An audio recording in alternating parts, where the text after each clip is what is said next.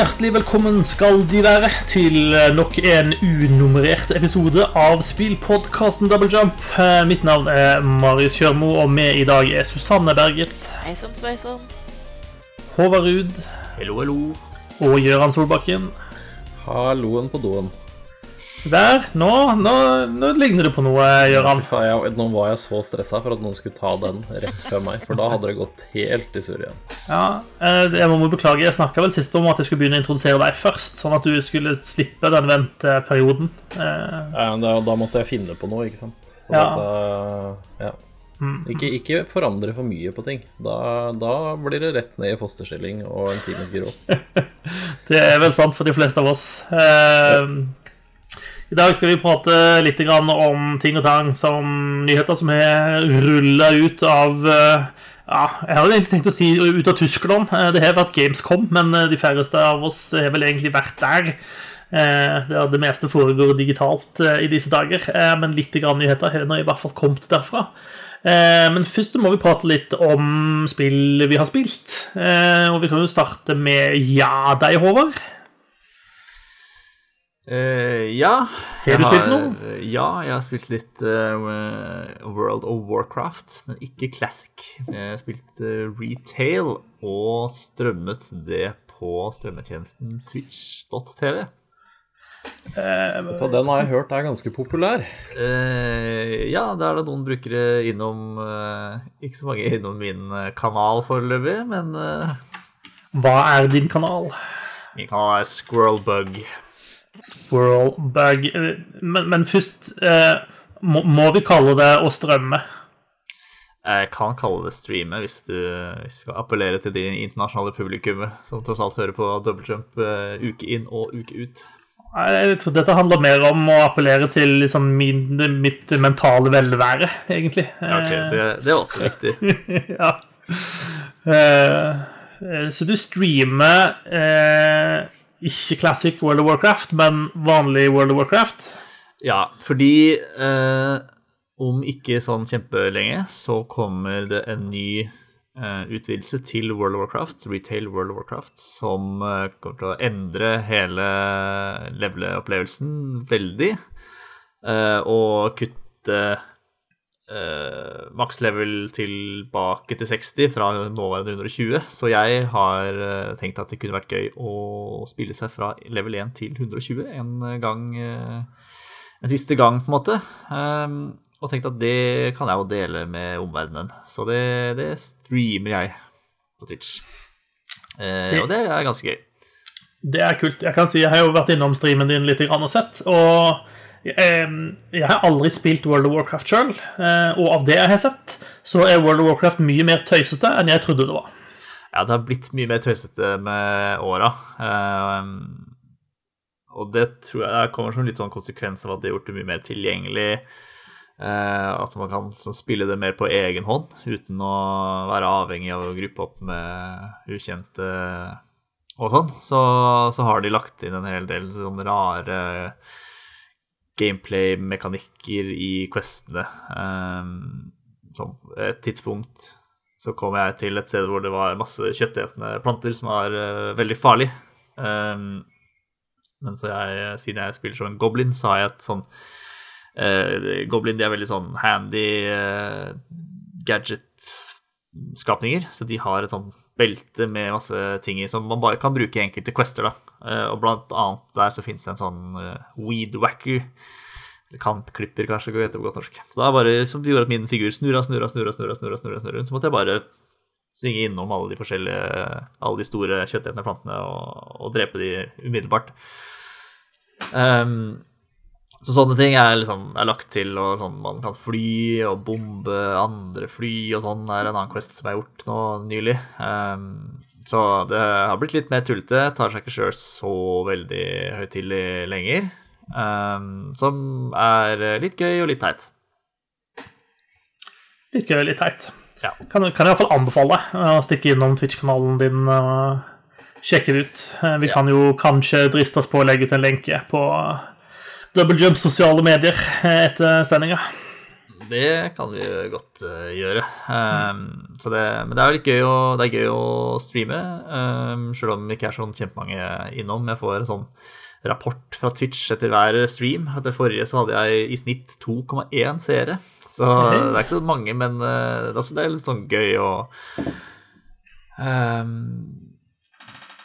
Ja, fortelle sånn uh, Å reagere på ting, da, uh, som om man faktisk snakker til noen. Um, Sjøl om jeg da åpenbart ikke så ofte snakker til veldig mange. Um, men så er altså, det er en sånn veldig motiverende ting ved den uh, rapporten er at uh, du får en sånn path to affiliate. Hvis du blir affiliate, så kan du liksom begynne å tjene penger på streamen din ved Folk kan bruke sånne bits Uh, og, de kan, og du tjener penger på annonser som blir vist for, før streamen din og sånn. Uh, og det er ikke uoverkommelig å nå de, de målene. Det er fire mål. Sånn du må ha 50 følgere, streame åtte, i åtte timer og streame på sju forskjellige dager og, ha et, og snitte på tre uh, viewers. alt dette innenfor en måned, tror jeg. Da, eller på 30 dager så må du ha streama så og så mye så og så ofte. Um, og jeg har faktisk 84 følgere. Jeg tror at mange av de, de aller, aller fleste av de stammer fra speedrunning-dagene mine. Men uh, det spiller ingen rolle. Jeg, over, jeg har møtt ett av disse kravene, da. Uh, og på god vei til å streame åtte timer. Uh, og ja, det er jo det letteste, da. Streame åtte timer i løpet av 30 dager. men det er ganske motiverende å se, liksom. Nå kommer det nok ikke til å bli jeg tror ikke jeg kommer til å klare å fylle opp en pengebinge sånn med det første med en gang jeg blir uh, affiliate, men uh, Slutter ikke dagjobben sånn umiddelbart? Nei, jeg tror jeg skal uh, beholde den ut året, i hvert fall. så se om jeg kan falle tilbake på å være fulltime streamer. Ja, det, det at artig. Jeg har sjøl begynt å streame litt også. ikke helt, helt uavhengig av Håvard, vi har prata litt sammen. Eh, og jeg syns jo eh, Twitch er veldig flink til å sette deg i sånn eh, overkommelige mål, da. Mm. Og du, de har et sånn achievement-system, sånn, sånn, at du hele tiden skal liksom føle at dette går fremover, da.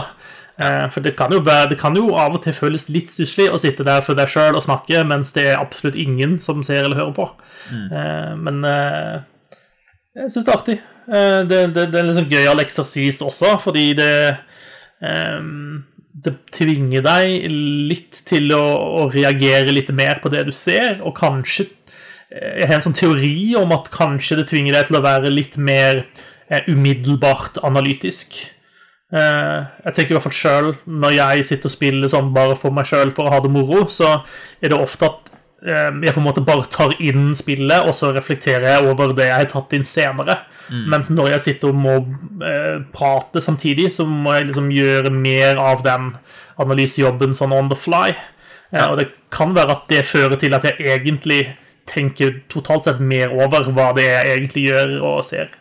Ja, det er det samme, samme opplevelsen der, egentlig. Eh, siden jeg har, jeg har, desidert flest timer i eh, Vanilla WoW, Classic WoW, eh, så sammenligner jeg veldig mye med med den opplevelsen jeg er vant til, da. Så sånn øh, øh, Fordi World of Warcraft anno 2020 er jo mye mer strømlinjeforma enn det World of Warcraft var for 15 år siden, for å si det sånn. Um, det er veldig sånn store, store forandringer, veldig mange ting som jeg reagerer på og kan sammenligner uh, til ja, fra både gode endringer og endringer som jeg er mer skeptisk til. Cool. Uh, jeg gleder meg til å følge din uh, Goblin uh, leveling quest videre, i hvert fall. I like måte, håper jeg å si. Bare ikke Goblin level quest, men Wasteland. Ja.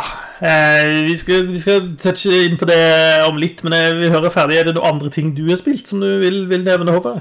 Ja, jeg kan jo si at jeg har så vidt Så vidt det er fått begynt på Captain Tsubasa, Rise of New Champions. Hva i alle dager er det for noe? Det er eh, et spill basert på manga og animeen eh, Captain Tsubasa. Som eh, er en, I hvert fall i spillet så er han en 14 år gammel japansk gutt som er et kjempefotballtalent. Nå har jeg ikke noe forhold til mangaen eller animeen. Men i dette spillet så er det en, en story mode hvor man spiller som Nankatsu Middle School Soccer Club, hvor Tsubasa Osora er kaptein. Og Nankatsu har vunnet to år på rad og står nå foran en ny sesong hvor de kan bli de første, det første laget til å vinne tre år på rad. Um, så uh, jeg har ikke kommet så veldig mye lenger enn det, egentlig. At jeg setter sånn introsekvensen, og så har jeg spilt en liten sånn tutorial, og dette virker uh, virker veldig tullete. Det er, uh, det er ikke Fifa. Det er ikke Fifa, for å si det sånn. Det er, uh, her er det hvor du, I Fifa så kan man løpe 360 forskjellige retninger på ved hjelp av stikka. I Captain Tsubasa så er vi tilbake på tidlig 90-tall, midten av 90-tallet, med åtte retninger man kan løpe. Uh, ah, ja, det, det kunne vært færre. det, det, kunne det absolutt. Det kunne absolutt. Uh, og så er det sånn voldsomme sånn anime-action-greier, så det er sånn knapp kombinasjon for å liksom runde en annen spiller, da, eller uh, unngå taklinger og sånn, og da kommer det en sånn liten cutscene hvor du sånn uh, Og de forskjellige spillerne har litt sånn spesialskudd da, som de kan bruke som tilsynelatende er uttagbart for keeper. Sånn, en av en sånn falcon kick type ting. Ja, Nesten som en Nintendo World Cup, rett og slett. Ja, det er litt sånn. Eh, litt sånn. Um, Kult. Så uh, jeg er spent på å spille det mer, om jeg orker å spille hele sesongen for å se om uh, uh, Tsubasa blir vinner for tredje år på rad og vil oppleve proffdrømmen. Uh, det er ikke sikkert uh, jeg kommer til å gjøre, men litt. Jeg skal se hvordan det er å spille en ordentlig kamp, for det har jeg ikke gjort ennå. Ja, men kult. Det, det, høres jo litt eh, stilig ut, selv om det sikkert er ganske tøyst. Ja, det er, det er veldig tøyst. Kan, kan jeg drar opp det på en stream, for det hadde vært gøy å vise fram Særlig taklingene her er, er litt sånn Super Smash Bros over taklingene. Kult. Ja, men bra. Det, det, var det du hadde på listen din. Ja. Så skal jeg nok eh, kanskje kunne utbrodere litt mer om uh, dette Rise of New Champions. Kult. Det er jeg fullt spent på å høre. Neste korsvei. Yes. Eh, siden du nevnte Wasteland 3, så kan jo jeg hoppe inn der. Um, fordi jeg har spilt en del Wasteland 3. Jeg for så vidt uh, føler meg fortsatt litt sånn i startgropa, men jeg har i hvert fall klokka inn en rundt sju timer i spillet. så et lite førsteinntrykk har jeg nå i hvert fall fått. Um, dette er et spill som er en oppfølger til, til Wasteland 2. Og bygger på en måte videre, både storymessig og teknisk, på det spillet. Eh, men jeg har fått en del oppgraderinger siden, eh, siden, den tid, og de har gjort en del smarte ting som eh, jeg kan sette pris på. Du styrer nå et ranger squad på opptil seks personer, hvorav fire av de kan være sjøllagde karakterer, mens de siste to er på en måte folk du møter i verden og, og har med deg. Jeg jeg har bare møtt to som jeg kan ha med meg foreløpig, men jeg mistenker at du også møter flere etter hvert. Altså velger du hvem du vil ha med deg ut på oppdrag. Um, våre, våre ranger-venner har tatt turen ut av Arizona, der de tidligere var, eh, og tatt turen til Colorado, eh, som i Wastelands postapokalyptiske setting er eh, kaldt og frossent og kjipt. Eh, kanskje til og med mer enn Colorado er til vanlig. Eh, og eh, får nesten litt sånn Far Cry-vibbe eh, over liksom introduksjonen på storyen. Eh, for når du kom dit, så ja så skjer det litt ting i starten som gjør at ting ikke ble helt sånn som du hadde tenkt at det skulle bli. Eh, og så møter du en fyr som kaller seg for The Patriarch. Eh, som på en måte er den som har ja, styrt Colorado eh, i, denne verden. Eh, men han eh, trenger nå hjelp fra deg fordi han har tre barn. Eh, som alle har lyst til å styre Colorado istedenfor han. Og mye tyder på så langt at de ikke er veldig velbalanserte individ, kan man kanskje kalle det. Og at de da styrer på en måte hver sin sone eller region av Colorado. Eh, så det er på en måte hovedoppdragene dine fra starten av er liksom å ut og finne disse og arrestere de. The Patriarch vil gjerne ha sine barn hjem i livet. Så det er den overordna historien. Eh, og du lager jo dine egne rangers, eh, så de kan jo på en måte være ganske spesialisert etter hvordan du ønsker å spille. Det er massevis av skills. Eh, du får heldigvis en del skill points etter hvert som du begynner å spille, men, og etter hvert som du får flere karakterer, så får du dekt ganske mange av skillsene. Men med en gang du begynner og skal lage karakterene dine, så føles det skikkelig som Å ja, men jeg hadde jo lyst til å ha ti ganger så mye skill points som jeg egentlig hadde å velge her, for det er så mye kult og artig jeg har lyst til å teste ut. Um, det er turbaserte kamper eh, som fungerer veldig bra. Eh, og jeg syns at mye av spillet fungerer egentlig bedre enn Wasteland 2 gjorde. De har gjort noen ganske smarte ting. Eh, blant annet så har de um, Eh, gjort sånn at inventory-systemet er helt og holdent eh, gruppebasert, på en måte. Man har én stor inventory, den deler alle. Eh, I Wasteland 2 så drev du hele tiden måtte flytte over riktig ammunisjon til den riktige karakteren, og det var ganske mye styr. Det eneste du nå setter på karakterene, er på en måte Ja, du setter på de våpnene og rustningene de har, og så kan du sette på sånne, noen sånne quickslot items, som er sånn type granatavkast eller noe sånt. Men alt av ammunisjon og alt av sånne andre brukbare ting, da, det deler man på tvers. Det eh, høres ut som en liten ting, og det er det kanskje også, men det gjør faktisk at spillet flyter utrolig mye bedre. Eh, spillet har den samme sånn humoren som det alltid har hatt. Eh, Wasteland er jo, for de som ikke kjenner det, det originale Wasteland-spillet, er jo steingammelt, nesten like gammelt som Gjøran. Eh, Takk. Vær så god. Eh, og var, er på en måte en av inspirasjonskildene til Fallout-spillene. så Fallout er egentlig basert på Wasteland. Det eneste jeg vil jeg, jeg, altså, Av og til kan det kanskje bli litt for cheesy. det, det det er en sånn tynn grense synes jeg, mellom hva som er morsomt og gøy, og hva som blir tipper over og blir teit. Uh, og Wasteland tipper av og til over til å bli litt teit. Uh, av og til er det greit, og av og til så er det litt sånn Ja, OK. Greit. De, de, kunne ha tona det ned et hakk, men, men, på godt og vondt, det er sånn Wasteland er, da. Um, det er også sånn at uh, de som skriver Wasteland, åpenbart er folk som liker science fiction, og det er mye referanser og sånt i det. Det er også ganske De smører ganske tett på med liksom eh, tropene uh, inni her. Um, og av og til kan også det føles som litt voldsomt, eller, eller kanskje det kan føles som litt litt uoriginalt, nesten.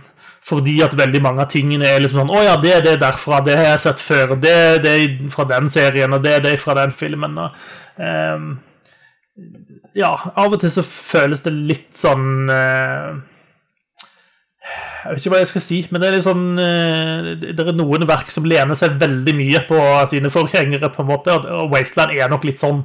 Uh, av og til så kunne man følt at det hadde vært kjekt med litt mer originalitet, kanskje. Eh, men, eh, men, det tar ikke likevel vekk fra at det er moro. Eh, og så er de gjort noe litt nytt i dette spillet som er litt gøy. For de har gjort noe med lyd- og musikkbiten som er litt artig. Så de har noen faktiske låter inni i dette spillet. Eh, blant annet en låt som heter 'Washed in the Blood of the Lamb', som er helt nydelig. Eh, og Det de gjør, er at eh, noen ganger når du går inn i en litt sånn episk kamp eller sånt Og dette er jo turbaserte kamper, sant? så det er jo begrensa hvor på en måte episk man kan gjøre turbasert strategi. Eh, men av og til når du kommer inn i en sånn, så setter de på en sånn skikkelig god låt, og så skrur de den litt høyt opp. Eh, og så sitter du egentlig bare og digger musikken mens du gjør liksom, de taktiske grepene dine og sånt. Og det funker overraskende bra flere ganger hvor jeg sitter og bare liksom viber til musikken og bare Yes, dette, dette er kult. Eh, eh, heldigvis så er det eh, en god del innstillinger du kan gjøre på vanskelighetsgradene, fordi dette spillet kan være fryktelig vanskelig hvis du vil det. Um, og jeg sjøl spiller på Wastelander, eller hva det heter nå, den liksom normale vanskelighetsgraden. Uh, og det er et sånt, litt sånn typisk uh, turbasert strategispill hvor det det litt sånn snøballen kan fort rulle. Hvis ting begynner å gå dårlig, eh, så går det ofte verre ganske raskt. Um, og én ting som jeg syns med dette spillet er, av og til kan føles litt urettferdig, er hvordan man initierer kampene. For det er ofte litt sånn med turbasert strategi så føler, vil man kanskje ofte ønske å ha liksom, full kontroll på hva som skjer. Eh, mens her er det ofte litt sånn ukontrollert hvem er det som starter eh, og initierer kampen, og hvordan er på en måte utfallet. Eh, på bakgrunn av det. det. Av og til så kan det føles litt urettferdig, og man føler at man blir satt i en litt sånn eh, lei start på kampen. Eh, og det er ikke alt, Noen ganger så føles det på en måte riktig, da, for noen ganger blir du liksom overrumpla av en fiende, og da gir det mening, mens andre ganger så føler du at her er det egentlig jeg som Jeg vet at de fiendene er der, jeg vet at det er jeg som skal initiere, eh, og selv om det på en måte er du som starter kampen, så eh, rekker du kanskje bare egentlig gjøre noe med en av karakterene dine, og så er alle de andre på veldig dumme plasser da kampen begynner, og du må kanskje ta masse hits før du rekker å liksom slenge deg i dekning. Um, så det kan føles litt sånn uh, punishing uh, innimellom. Um, ja uh, Jeg liker det veldig godt. Jeg gjør det, altså. Jeg, jeg syns måten de har balansert skillsene her, er bedre enn en forgjengeren. Um, ting generelt UI-messig sånn er enklere og greiere. Det er ikke så mye dilldall. Um, og stort sett Det er noen ganger hvor det er noe sånn små, små rusk eh, altså i forhold til bugs eller ting som ikke skal være helt som, som det skal være. Eh, når du holder musa over noe, så får du ikke opp den kommandoen som burde komme opp. Og av og til så kan eh, karakterene dine på en måte stå i veien for hverandre når når du ikke er i kamp, da, når de egentlig kan bevege seg fritt, så er det sånn Å ja, men den som skal pirke opp døra, får ikke til å dyrke den opp fordi han andre fyren står i veien, og du må manuelt flytte han. Eh, noen sånne ting kan skje. Eh, eh, men jevnt over så liker jeg det. det. virker som de har litt den der crazinessen ifra, fra eh, Som er litt sånn Far Cry-aktig, eh, som jeg kan sette pris på inni der også. Um, og jeg er spent på, på hvor, hvor, spillet går videre hen, egentlig. Foreløpig så Ja, det kan vi kanskje si det. Altså, det er en sånn eh, Spillet starter egentlig med at du skal bygge opp en base for, for deg og dine rangers. Eh, så du driver en del basebygging, og du rekrutterer folk eh, til å ha i basen din. Eh, som, som er en smart måte å få et liksom holdepunkt i, i spillet. Eh, og det funker bra. Eh, og etter hvert så får du også quests som tvinger deg til å ta noen valg, og de kan av og til være ganske tøffe.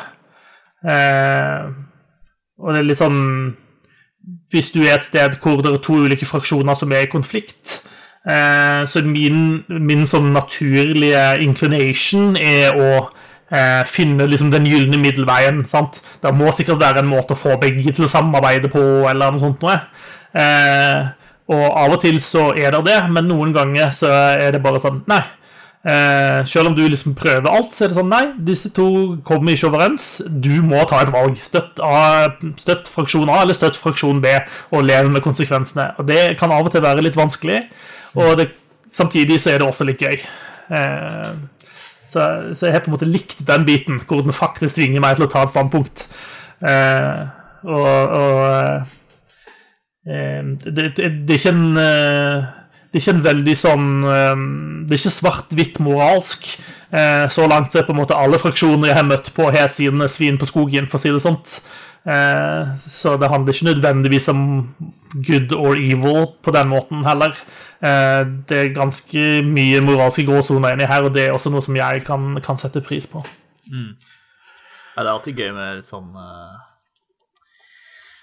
Sånne valg som går inn på deg, selv om det oftest ikke har sånn kjempemye å si for utviklinga.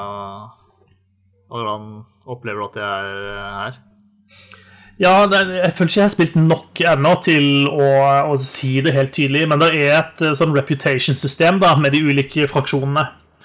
Eh, og jeg endte jo opp med å ødelegge skikkelig forholdet mitt til en fraksjon eh, eh, på siste spilling. Eh, så jeg er litt spent på hvordan det slår ut i fremtida. Eh, for det reputation-systemet det dukker også opp i samtaler du har eh, med, med, andre. Så har du høy reputation, så, så, så, vil det på en måte gi deg tilgang til ting som du kanskje ikke ville hatt ellers. Og har du lav reputation, så vil kanskje noen angripe deg som ikke ville gjort det ellers. Mm. Og så er det også sånn type For eksempel hvis jeg har vært rundt i, i den lokale byen, uh, og jeg har tatt, tatt, noen skurker som har gjort noe ulovlig, for å si det sånt, uh, så er det gjerne flere ulike valg. Jeg kan velge å ta livet av dem, stort sett, hvis jeg har lyst til å gjøre det. Eller så kan jeg arrestere dem og levere dem inn til The Marshals, som er liksom den lokale politistyrken. Eller jeg kan arrestere de sjøl og sette de i fengselet midt oppe i Ranger-basen. Og dette tror jeg også spiller inn på ulike måter. Eh, tar du livet av de, så er de jo åpenbart døde. Eh, sender du de til de lokale marshals, så ja, Jeg har jo funnet ut av litt av hvordan de behandler sine kriminelle, og de er jo ikke nødvendigvis sikkert at det er bedre for de å havne der enn å ta livet av de. Eh, sånn som jeg tolker det. Eh, og til slutt da sender de opp i min egen base. Da har jeg i hvert fall kontroll på at de blir behandla på en god måte. Og bonus, jeg kan gå og prate med de etterpå. Det er jo litt gøy av og til. Ehm, så det gir deg en del sånne valg som er litt gøy. Ehm, og så har du et kjøretøy som du kan drive og modde, eh, og det er jo gøy. På, du kan sette på en sånn kul tutelyd, f.eks. Det er en av modene du kan gjøre. Og vi vil jo alle ha en sånn kul tute på bilen vår. Yes. Fikk nettopp eh, Du kan også sånn hood ornaments, så der fikk jeg nettopp sånn diskokule jeg kan ha på panseret. Så det er jeg veldig fornøyd med. Ehm, jeg har ikke kjørt så mye rundt med den bilen ennå, da, men den fungerer som en slags mobilbase når du reiser ut i Colorado. Mm. Og der er jo også et, et, eh, ganske enkelt, men allikevel eh, dyptgående system for å modde våpen og rustning og sånt. Eh, så du har hele tiden den biten med deg også, at du kan forbedre ting. Eh, litt mye Det er ganske mye stæsj du plukker opp. Det er mye lut i dette spillet.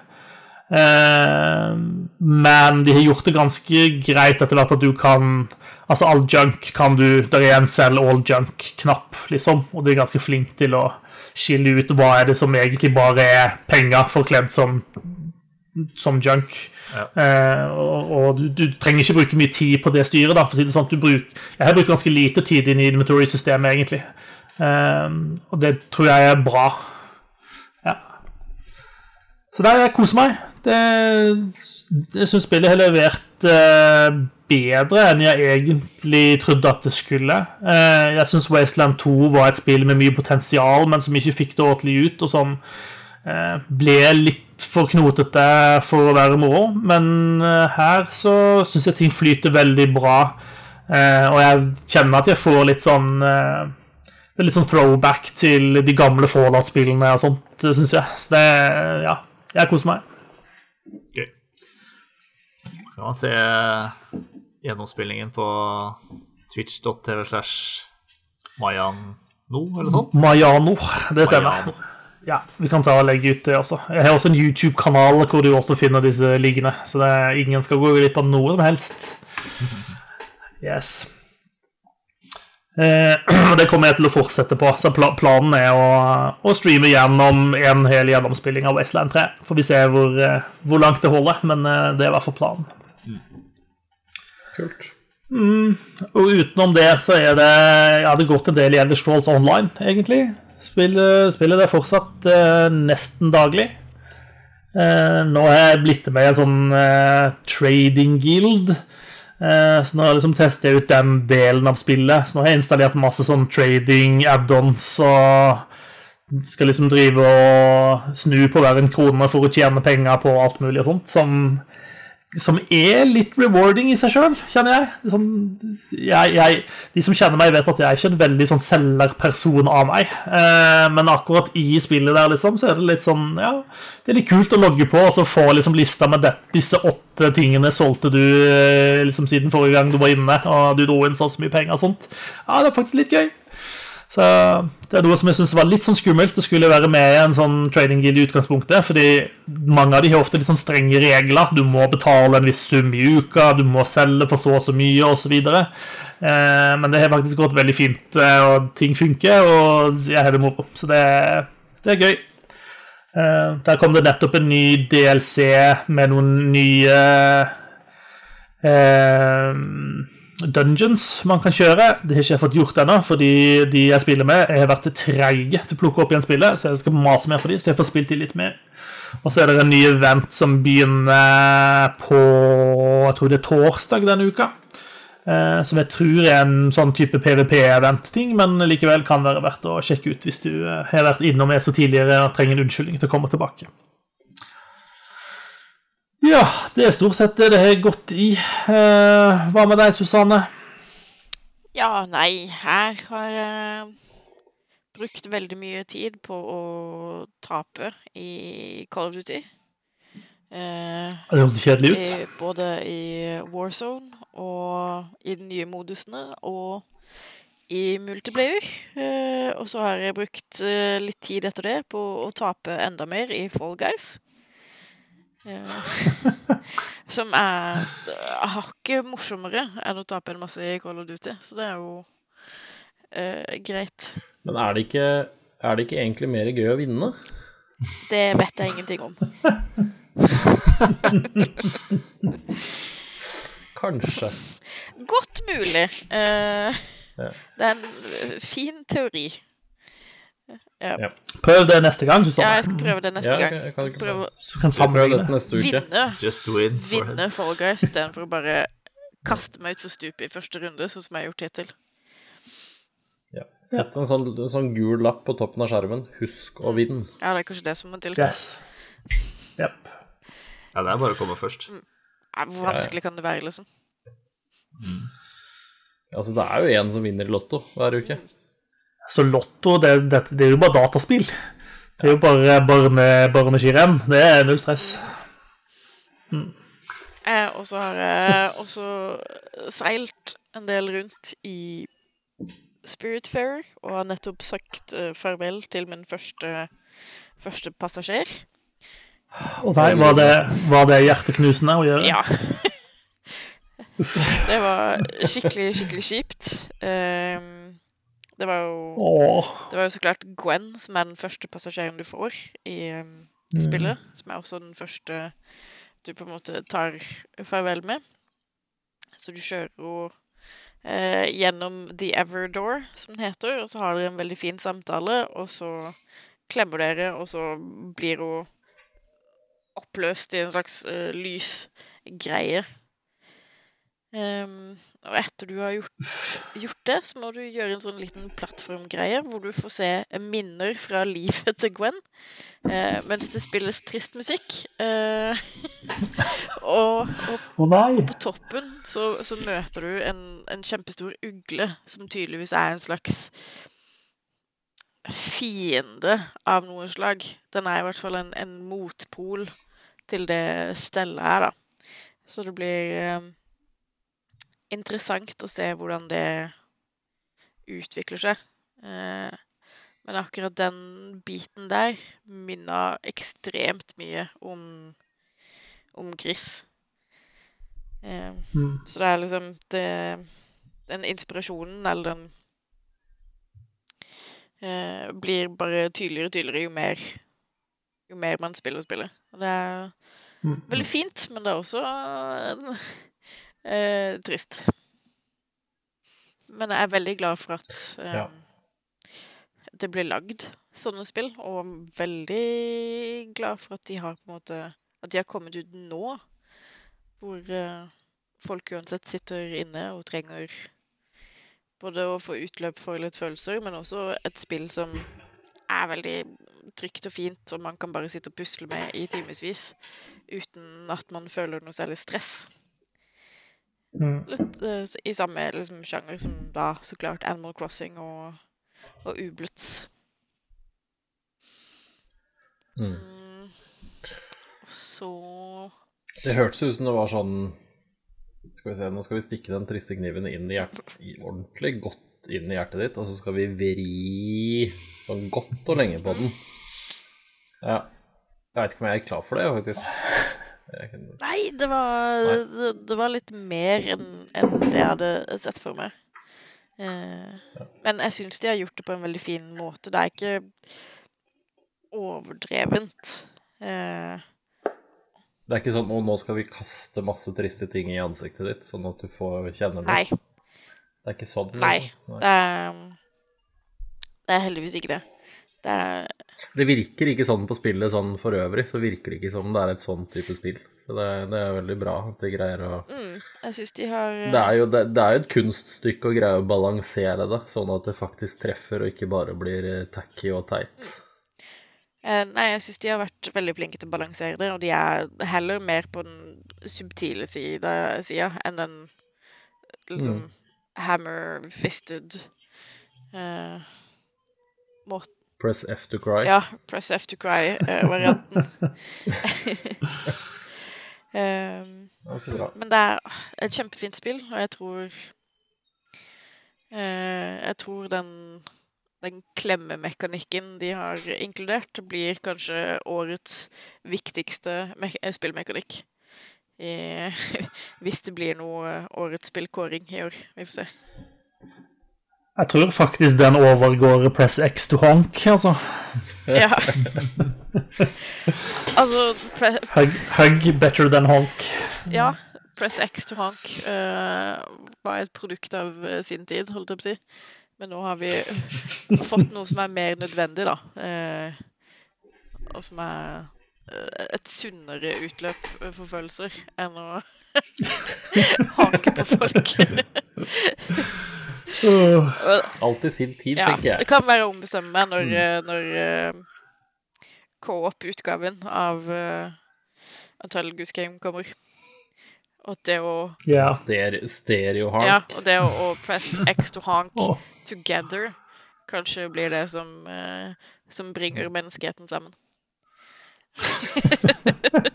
du, hvor kult hadde det ikke vært om den ene gåsa uh, honka de venstre høyttaler og den andre høyre? Oh, det Så her har du en mod-idé, føler jeg. Og... ja. Det hadde vært jævlig kult.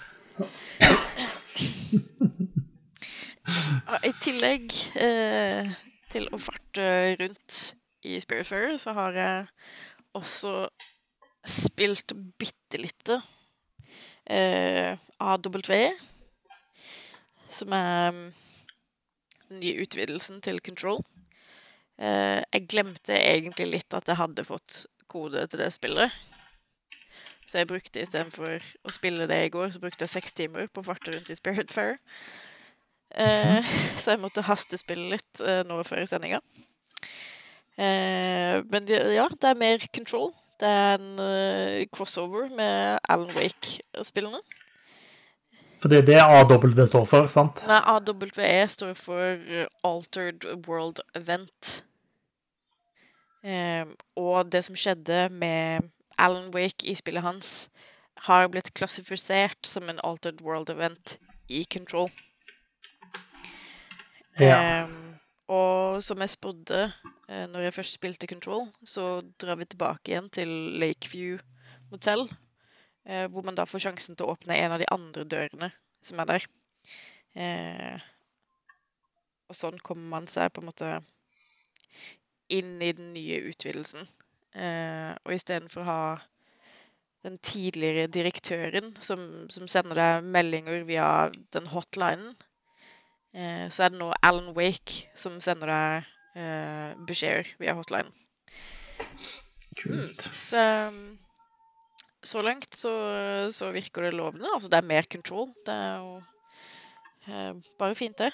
Eh, jeg blir er veldig spent på å, å se hvordan de på en måte knytter disse to tingene sammen. da, Hvordan de spiller videre på det her temaet med Alan Wake. Jeg syns Absolutt. Alan Wake uh, var jo Alan Wake er et spill jeg likte godt, altså. Selv om det hadde sine flaws, så er det altså worldbuildinga og sånt der er liksom next to none. Så alt som kan bringe, bringe det opp igjen, syns jeg er utelukkende positivt. Ja. Jeg, jeg, tror nok denne utfyllelsen kommer til å ha mer uttelling for folk som har spilt Alan Wake, eller husker ting fra Alan Wake. Eh, så det kan være en fordel å kanskje friske opp hukommelsen litt før man setter i gang med denne utvidelsen. Mm. Men det er ja, det er det jeg har gjort. Kult. Gøran? Ja. Um, jo da, jeg, jeg, driver med litt sånn forskjellige ting. Jeg kan jo til uh, alle lytteres uh, sikkert uh, fortvilelse, så er det ikke noe mer Path of Exile denne uken. ah. ja. Uh, nå er jeg ferdig med den uh, ligaen som har vært, eller den sesongen, eller kall det hva du vil. Så nå går jeg bare og venter på neste. Men uh, i, i, mangel på det, da, så har jeg spilt litt, litt andre spill. og det jeg egentlig har spilt mest Jeg har ikke spilt det ferdig, men det jeg har spilt mest som jeg har lyst til å prate om nå, er egentlig The Last Campfire. The Last Campfire, det er Hello Games sitt nyeste spill, stemmer det? Det er Hello Games sitt nyeste spill. Det er vel ikke lagd utelukkende av de, det er vel noen andre som Ja, noen, noen andre utviklere òg, men uh, uansett, det er Hello Games sitt spill.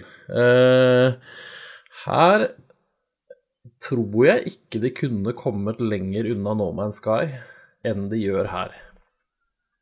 Uh, ja.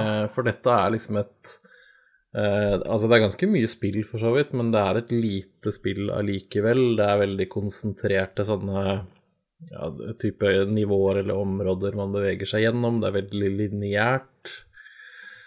Og veldig sånn intimt og nær sånn historie, egentlig. Så det er veldig liksom uh, Veldig ikke No Man's Sky, men det, det, det, De løser det her bedre, vil jeg si. Uh, i Last Campfire så spiller du som eh, jeg tror Jeg vet ikke om han heter Ember, eller om han er en Ember, men det er i hvert fall en liten figur som eh, på en eller annen måte blir borte fra sitt eget område eller sitt eget hjem.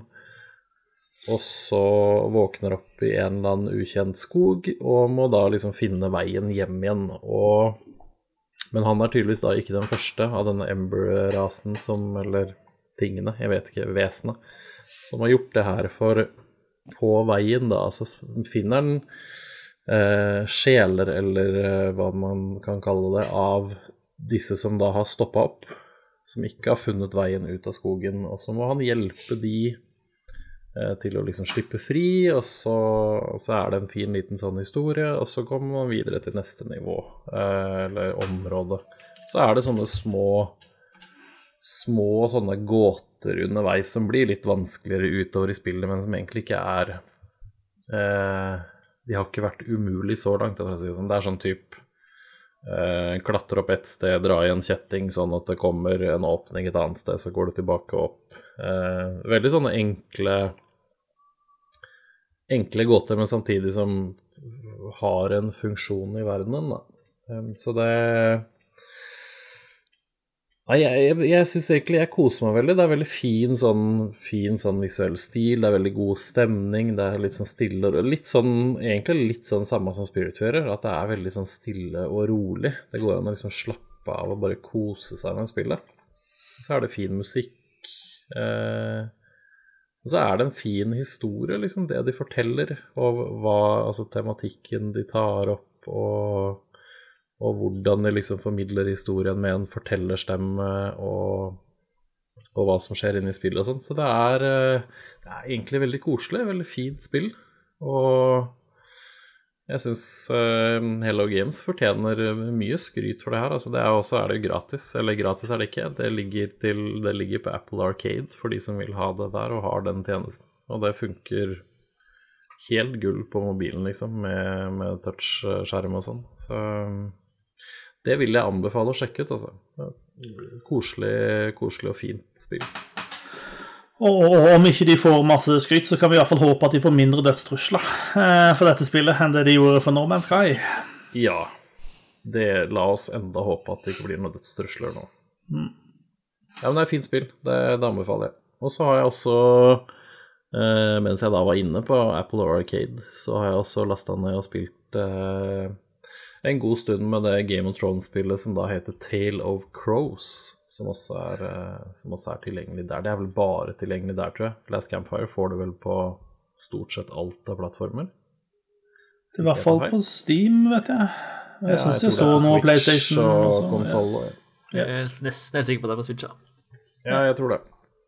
Eh, Game of Thrones Tale of Crows er også her, er du, her tar du på en måte styringen over Night, Night's Watch, Night Watch eh, ved denne muren.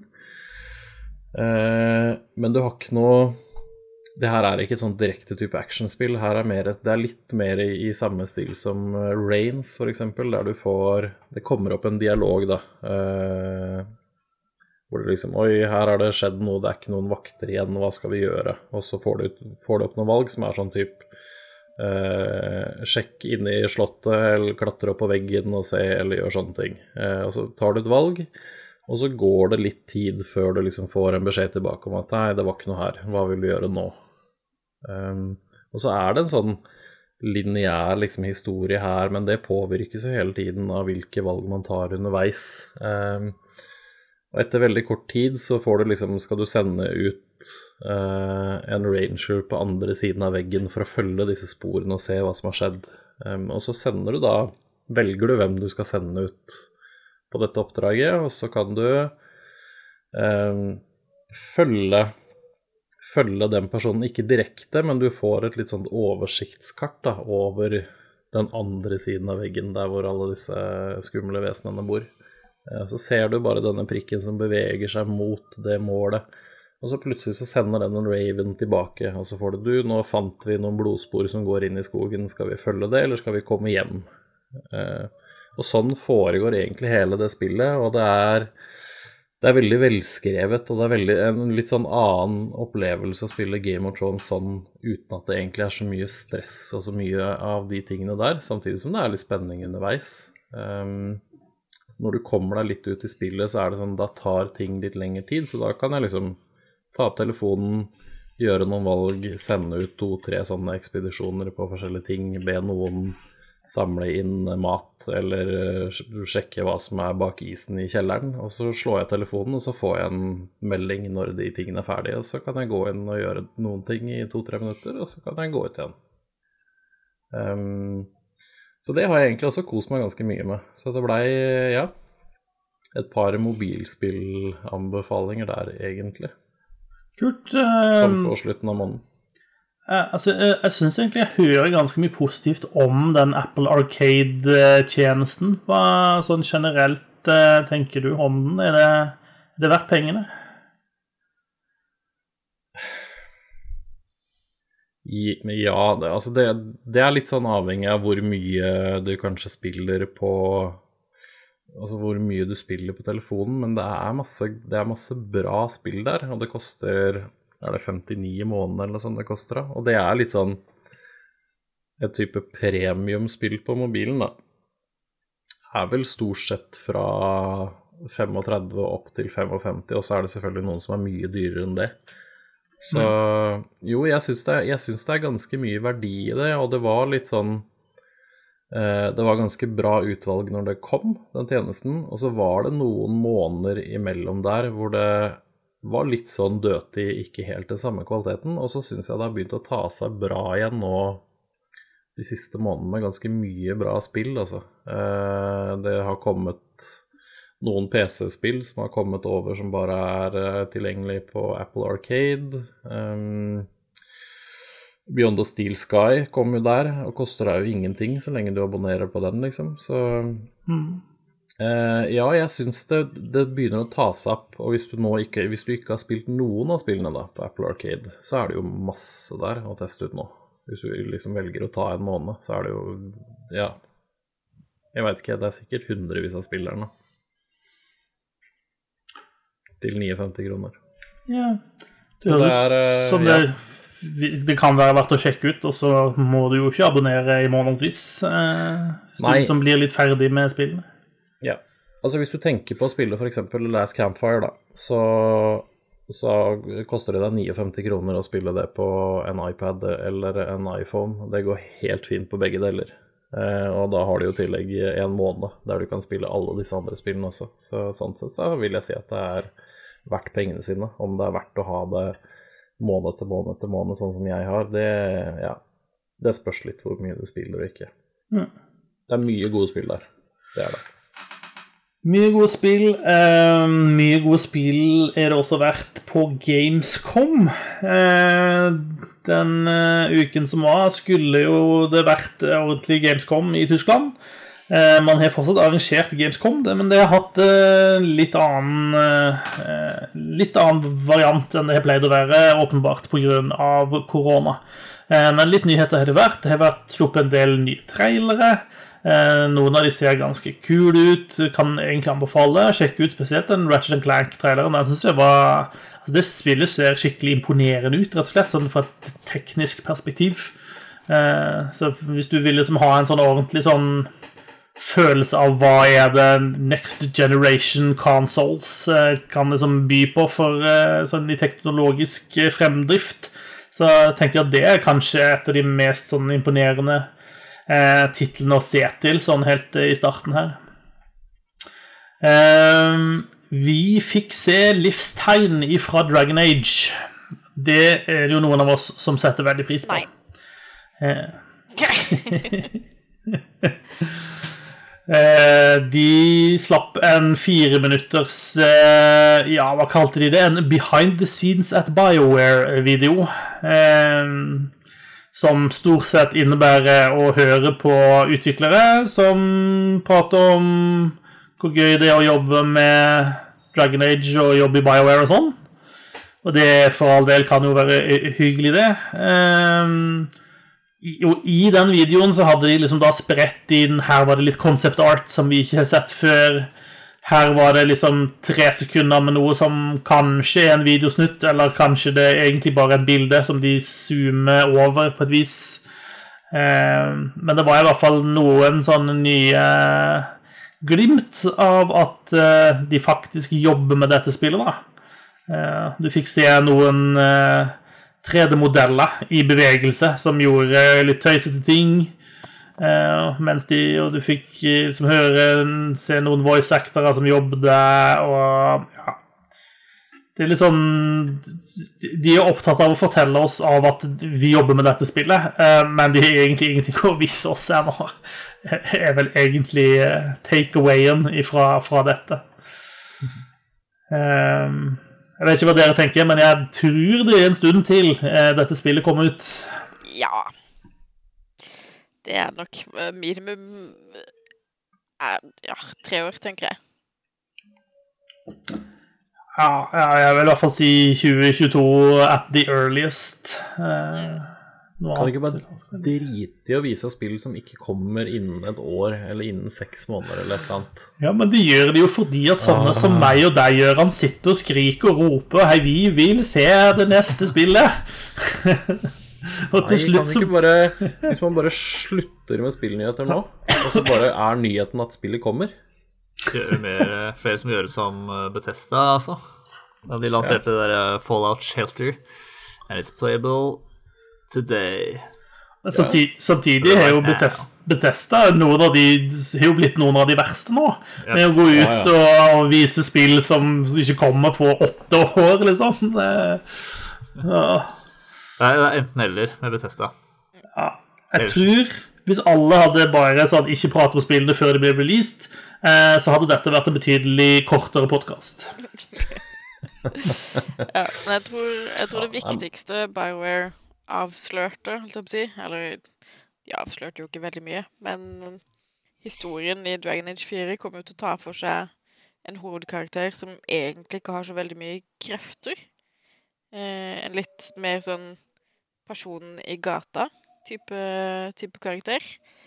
Eh, som skaffer seg eh, en interessant gjeng med venner, blant annet en Kunari-dame som ser så sykt bøs ut. Og jeg gleder meg til å få henne med i teamet mitt.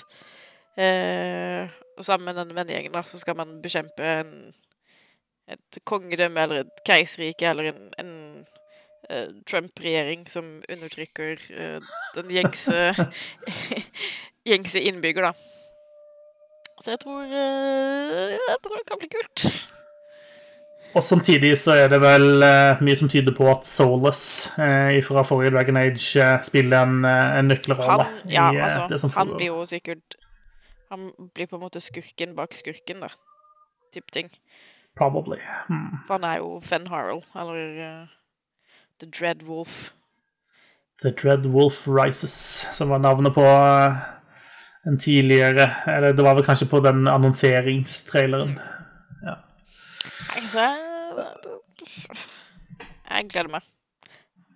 Jeg orker ikke å glede meg til noe som er så langt Vi har fått noen smuler å tygge på. De må, de må vare lenge. Ja da. Um, husker dere 12 Minutes? Å oh, ja, det ser så kult ut. Ja. Jeg har skikkelig lyst til å spille. Jeg har bare ikke kommet så langt ser ut til å være et ganske artig spill i en sånn sett ovenifra-vinkel. Eh, hvor det da tydeligvis er en karakter som er litt sånn eh, stuck i Groundhog Day. Han opplever liksom det samme om og om, om, igjen. Eh, og ser ut til å måtte prøve seg ulike ting for å komme ut av det. Eh, og på Gamescom så var det en ny trailer der de avslørte altså stemmeskuespillerne. Eh, og det var ikke hvem som helst som eh, var med der. Ja, det var ikke småtteri. Der fant vi Willem Defoe. Eh, fire ganger Oscar-dominert eh, skuespiller. William the Friend. Hva sa du? William the Friend. William the Friend, ja. unntatt i Spiderman. Der er han faktisk Defoe. Ja, det er litt skurkete. ja. men ikke nok med han. Daisy, Daisy Ridley, kjent fra Star Wars er med, og også James McAvoy, eh, som blant annet er med i X-Man-serien, er der. Så det er Ja, det er ganske stjernespekka til å være det som vi originalt trodde var en sånn liten indie-greie. Ja, det er veldig kult. Uh, jeg tipper det, det lille indie-studioet har sikkert fått litt hjelp av pengene til Anna Purna, uh, utgiveren der for å få hanka inn de skuespillerne. Men allikevel. Det, det, er veldig tøft. Altså, William Defoe er jo kanskje en av de kuleste i hele Hollywood. uh, så ja. Enda mer klar nå. Mm. Det tror jeg blir eh, Ja, da skal det ikke stå på stemmeskuespill, i hvert fall. Nei, det tror jeg du har rett i.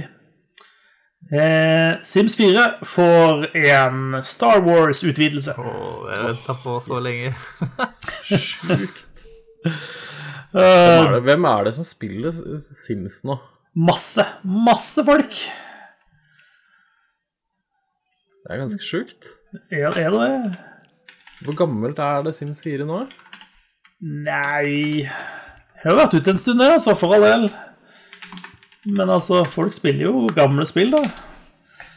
Ja, 2014. Ja, Nokså nok på dagen, faktisk. Ja. Ja. Yes. Ja, det er jo, ja, det er jo helt vilt mye spillere på det. Det er, det er, litt fascinerende. Det er litt sånn Minecraft over det, nesten. Ja. Det er 3,8 millioner mennesker som følger The Sims 4 på Twitch. Så vet du det. Ja, det er ikke rart de bare pumper ut nytt innhold. Det er sikkert uh, ikke det vanskeligste spillet å lage innhold til heller, nødvendigvis. Det er det nok ikke. Og jeg har også inntrykk av at uh, de har en ganske lojal kundebase som kjøper mye utvidelser til spillene også, så jeg tror uh, uh, om, om ikke det drar inn like mye penger som disse tøyse fotballkortpakkene i Fifa, så tror jeg ikke det er langt unna. Eh, i, I hvert fall Star Wars Journey to Batuu uh, er like rundt hjørnet. Det kommer ut uh, 8. Eh, september. Og hvis ikke jeg husker helt feil fra det jeg leste, så er mye av den utvidelsen da eh, Ja, om ikke basert på, så i hvert fall så sammenfaller den da med den nye Star Wars-delen i Disneyland, altså i fornøyelsesparken. Eh, hvor du da kan Den heter vel Galaxy's Edge, tror jeg, den delen. Eh, eh, så de prøver å få til en eller annen form for samkjøring med det, for å øke I don't know, interessen. Så ja, altså, hvis du liker Sims 4 og du liker Star Wars, jeg vil tro at det er en viss sammenfall mellom de to gruppene. Så er kanskje Journey to Batu Game-pakken for deg. Ehm, jeg tenker jo at Electronic Arts kanskje har vært altså de, de, har fått for lite ut av den Star Wars-lisensen de har. De har liksom enelisens på å lage dataspill til Star Wars. Eh, og har hatt den i flere år nå. Og hva er det de egentlig har å vise til, på en måte? Eh, jeg syns det er mye ubrukt potensial, så sånn sett er det ikke unaturlig at de eh, at de pumper dette ut også i, i eksisterende franchiser, som The Sims. Men ja. Kanskje man bare skal la Star Wars hvile litt? Nei. That's not Star Wars. du kan hvile i grava. Ja. Star, Wars, Star Wars og Sonic, kanskje er på tide med en pause? Nei, jeg er ikke enig, men jeg er enig i at type Luke Skywalker kan få hvile. Liksom. Darth Vader kan få hvile. Altså jeg synes Du kan gjøre så mye kult i Star Wars. Det er et gigantisk univers. Du kan gjøre masse andre ting. Eh, de tingene kunne godt jeg gjort mer av. Hvor er det neste store BioWare Star Wars-rollespillet, liksom? Hvor er det hen? Sånt. Det er ingen som spiller én spiller mer, vet Og gå og legg deg. Den, det, det, der er å bane kirka. Det vil vi ikke ha noe av. Yep. eh, vi får eh, snart en ny utvidelse til World of Warcraft, eh, Håvard. Det snakka vi om i stad. Ja, vi toucha litt innom det. Uh, ja. Det ble vel uh, annonsert en dato. Det var vel nytt 27. oktober. Oktober, oktober ja. Mm. ja. Det er jo antar jeg, ganske nøyaktig to måneder på meg til å levele i underkant av 100 leveler på, på stream. Um, hvis jeg skal rekke det før Shadowlands åpner. Stå på, da. Uh, ja, jeg må det. Men det går jo ganske fort. Jeg har jo spilt fem timer, tror jeg, og level 22, så ja, går det går unna. Nå har man sånn 100% altså man får dobbelt så mye XP også, så det går jo ekstra fort.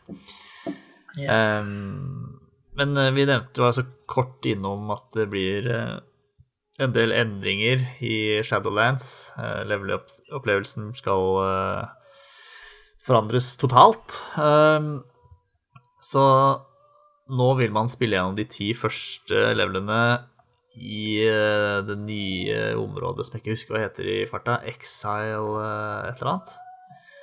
Um, og så vil du plasseres i i startquesten for uh, Helt på starten av Battle for Azeroth, som er den uh, foreløpig siste utvidelsen. Um, men hvis man har spilt Battle of Azeroth før, så vil man uh, kunne treffe på en liten gnom som heter Chromie. Um, som har en tidsmaskin som kan sette deg liksom i um, I din uh, favoritt-expansion, da. Så kan du spille gjennom historien uh, i Wrath of the Litch King eller uh, Mist of Pandaria, om du vil. Um, jeg tror man kan hoppe Det er det jo ingen som vil. Nei, det er kanskje ikke det. Det er ingen som, som, ingen som spiller gjennom uh, Mist of Pandaria frivillig. Det hadde jeg aldri tenkt på. Nei. Uh, for å se. Den utvidelsen har jeg faktisk ikke spilt, så kanskje jeg vil gjøre det. Ja. det får bli med en alt. Jeg vil se Shadowlands først, men ja. Så det, det er vel kanskje den største nyheten um, Ja, jeg har ikke lest meg nok opp på, på alle endringene av nyhetene, egentlig. Jeg vet ikke om du kan noe mer. Det ble jo avslørt at det er jo en uh, Sylvanas Windrunner som uh, kødder til ting. Da. Det er det. Hun er jo kanskje den kuleste bad guyen der, i hvert fall. Ja, hun uh, var, var ikke hun War Chief da, i forrige Jo da, hun har vel stilt Lagd litt ugagn tidligere òg, men hun er fortsatt Hun er fortsatt der. Jeg lurer på når man skal få drepe hun det er sikkert på slutten av denne denne utvidelsen, tror du ikke det? Det er hun som åpner porten til Shadowlands, som er en sånn mm. dødsrike greie, tror jeg. Jeg har ikke lest meg opp nok. Eh, sett nok på forhånd. Følg med på Twitch-kanalen til Håvard, så får du se. Oh, yes. Eh, til slutt så kan vi jo ta med oss eh, det er en sånn månedlig oppdatering på hvilke spill som følger med de ulike abonnementstjenestene som man har. Eh, Gøran, ja. du pleier å ha god call på dette. Ja. Skal vi se På PlayStation Plus så får du nå i, i september så får du uh, PubG på, som en del av abonnementet ditt. Jeg trodde det var gratis, så så mye veit jeg. Eh, og så får du også med Street Fighter 5, som er et eh, Det er jo et kult slåssespill. Jeg så jo nå at det, det hadde jeg helt glemt, men det anmeldte jeg faktisk for Gamer for fire år siden. Kult spill. Det får du med. Um, og det er også Nei, når, den, når, du hører på denne episoden, så er det for seint å laste ned Fall Guys, faktisk. Gratis. Eh, på Xbox Live Gold, hvis du abonnerer på det, så får du eh, Tom Clancys The Division. Det første spillet, altså. Uh, Der kan du møte favorittskurken til, uh, til Håvard. yes, der får du møte 5-0. Uh, jeg vet ikke helt hvor relevant det er å spille det første Division-spillet akkurat nå, men OK. Og så er det en eh, ordentlig, ordentlig godbit til de som ikke har prøvd det. The Book of Unwritten Tales 2 får du også med. Det kom i 2015. Det er et sånn pek og klikk-eventyrspill, men det er, det er et av de morsomste og beste spillene jeg har spilt i den sjangeren på, på veldig, veldig, veldig mange år. Er, mm. Det anbefaler jeg veldig å sjekke ut. Det er ordentlig, ordentlig bra. Masse, masse, god humor og masse gode gåter og masse morsomme, morsomme, figurer du er innom i løpet av det spillet. Det får du på Xbox Live fra 16.9., faktisk. Det får du ikke ennå, da. Nå må du vente et par uker. Nå har du god tid til å spille deg gjennom Division først, da, i så fall. Og så får du også et 360-spill som heter Deblob 2. Det vet jeg ingenting om og også Armed and Dangerous. Alt dette er da tilgjengelig i september, og også litt over i oktober, faktisk, med Unwritten Tales 2. Cool. Eh, kan, jeg har ikke den samme oversikt, men jeg kan jo slenge inn at i eh, Hvis du har GamePass Ultimate, eh, så er det i hvert fall en rekke spill der som kom, Der kommer det ut spill hele tida, så det er vanskelig å ha den samme oppfølginga der. Eh, men i hvert fall helt nylig så ligger Wasteland 3 der, som vi har pratet om tidligere i sendinga. Det ligger tre kapitler av Tell Me Why, som nettopp er kommet ut. Og hvis jeg ikke husker helt feil, så vil også fra denne episoden er ute, så vil også Crusader Kings 3 ligge der. Sånn at det der er flere godbiter fra det helt de helt nye spillene som er der. Og ikke minst Battletoads ligger der også. Ja, Spiritfarer også får du der. Stemmer det. Så det, mm. masse, det er godbiter der. Ja. Yes, jeg tror denne sendinga går mot slutten. Eh, takk for at du var med oss til endes. Eh, så er vi tilbake igjen om en uke, vi. Eh, mitt navn er Marius, og fra meg sjøl, Susanne, Håvard og Gøran, vil jeg si takk for at du hørte på, og Wakanda forever. Wakanda forever. Wakanda forever. Wakanda forever.